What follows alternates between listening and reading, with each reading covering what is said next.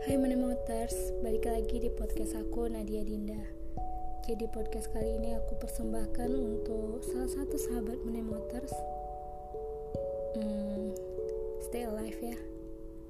Apa pun yang kamu rasakan hari ini, bagaimanapun hidup membenturmu hari ini, aku harap kamu selalu punya alasan kenapa kamu harus tetap hidup. Jangan biarkan omong kosong yang ada di Percayalah bahwa hidup lebih baik daripada mati dengan mengenaskan dengan cara yang buruk. Lihatlah hal-hal kecil di sekelilingmu.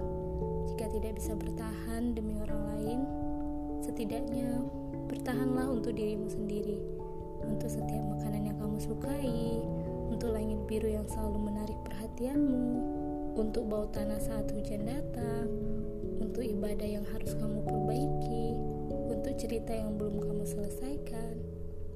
Aku nggak tahu seberapa banyak masalahmu, tapi kamu harus tahu rencana Tuhan lebih luas daripada kesakitanmu. Jadi, tetaplah hidup sampai kematian sendiri yang akan menjemputmu. Tetap semangat ya. See you, Motors.